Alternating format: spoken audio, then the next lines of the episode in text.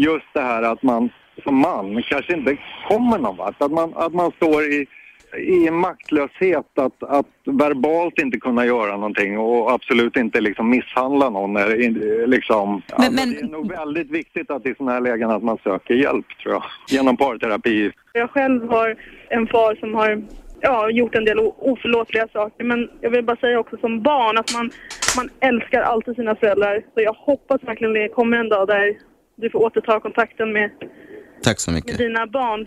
Jag tror på förlåtelse. Jag vet inte om du kan någonsin då kunna sova lugnt eller förlåta dig själv. Och det är kanske därför du sitter här idag och pratar lite. Du kanske vill ha lite bekräftelse på det att du ska kunna gå vidare.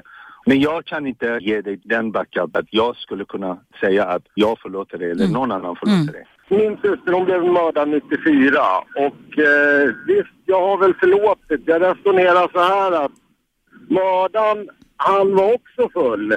Men grejen är det att eh, jag måste säga det kan vara nog svårt för dina barn och bron att förlåta för du har ändå förstört så mycket. Och eh, det är alkoholens fel, jag säger det. Men eh, du har ju själv valt och druckit.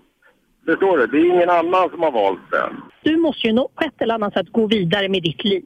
Och då tror jag, genom att kunna förlåta sig själv på något sätt på sikt, så tror jag att man måste ta ett ansvar. Och det är faktiskt det du gör nu. Du tar ett ansvar för vad du har gjort och försöker hantera det utifrån din bästa förmåga. Och mer kan vi inte begära. Vi kan inte begära det på ett annat sätt av människor som har hamnat i den här situationen.